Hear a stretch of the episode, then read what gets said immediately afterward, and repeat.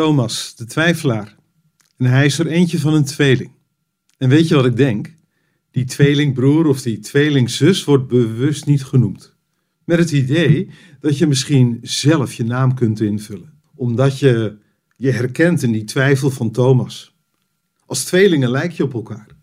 Maar ook omdat je elkaar als het ware op feestjes tegen blijft komen en steeds weer opnieuw dat verhaal van Thomas zult horen. Ik heb hem gezien. Ik heb hem aangeraakt.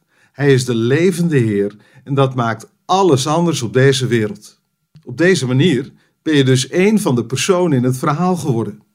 Jij bent de tweelingbroer of de tweelingzus van Thomas. Wat ik daarvan leer, zomaar wat gedachten. Allereerst dit. Twijfel hoort erbij. Rationele twijfel. Is het wel echt waar? Emotionele twijfel. Hoe ervaar ik Gods liefde? Is een vergeving voor mij? En ik voel geen pleidooi dat je de rest van je leven in blijft hangen. Dat niet. Je moet het ook niet eindeloos koesteren. Maar het helpt tegelijkertijd wel. Ga op zoek naar antwoorden. Twijfel dwingt je om na te gaan denken en keuzes te maken. Een tweede gedachte. Er moet ruimte zijn om dit te bespreken, ook in de kerk.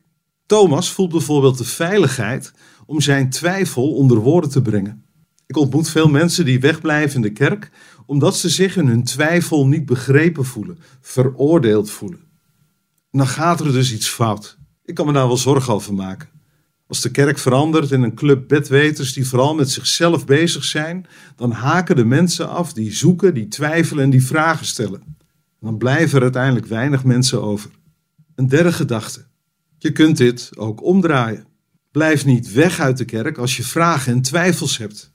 Ik bedoel maar, Thomas twijfelde aan alle kanten, maar een week later was hij wel present te midden van de andere leerlingen.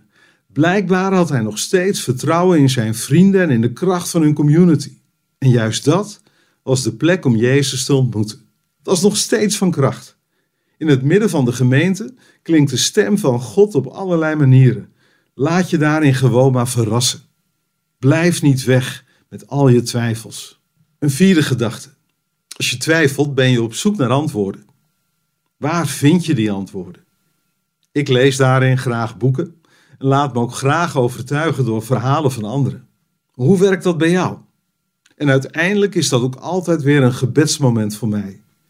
U kent mij in mijn twijfel. Help mij om daarin een weg te vinden. Help mij om te ontdekken wie u bent. Help mij om te geloven. En ik ben ervan overtuigd dat God dit gebed altijd zal beantwoorden. Twijfel is dus vooral ook een verlangen naar God. En een laatste gedachte. Durf keuzes te maken.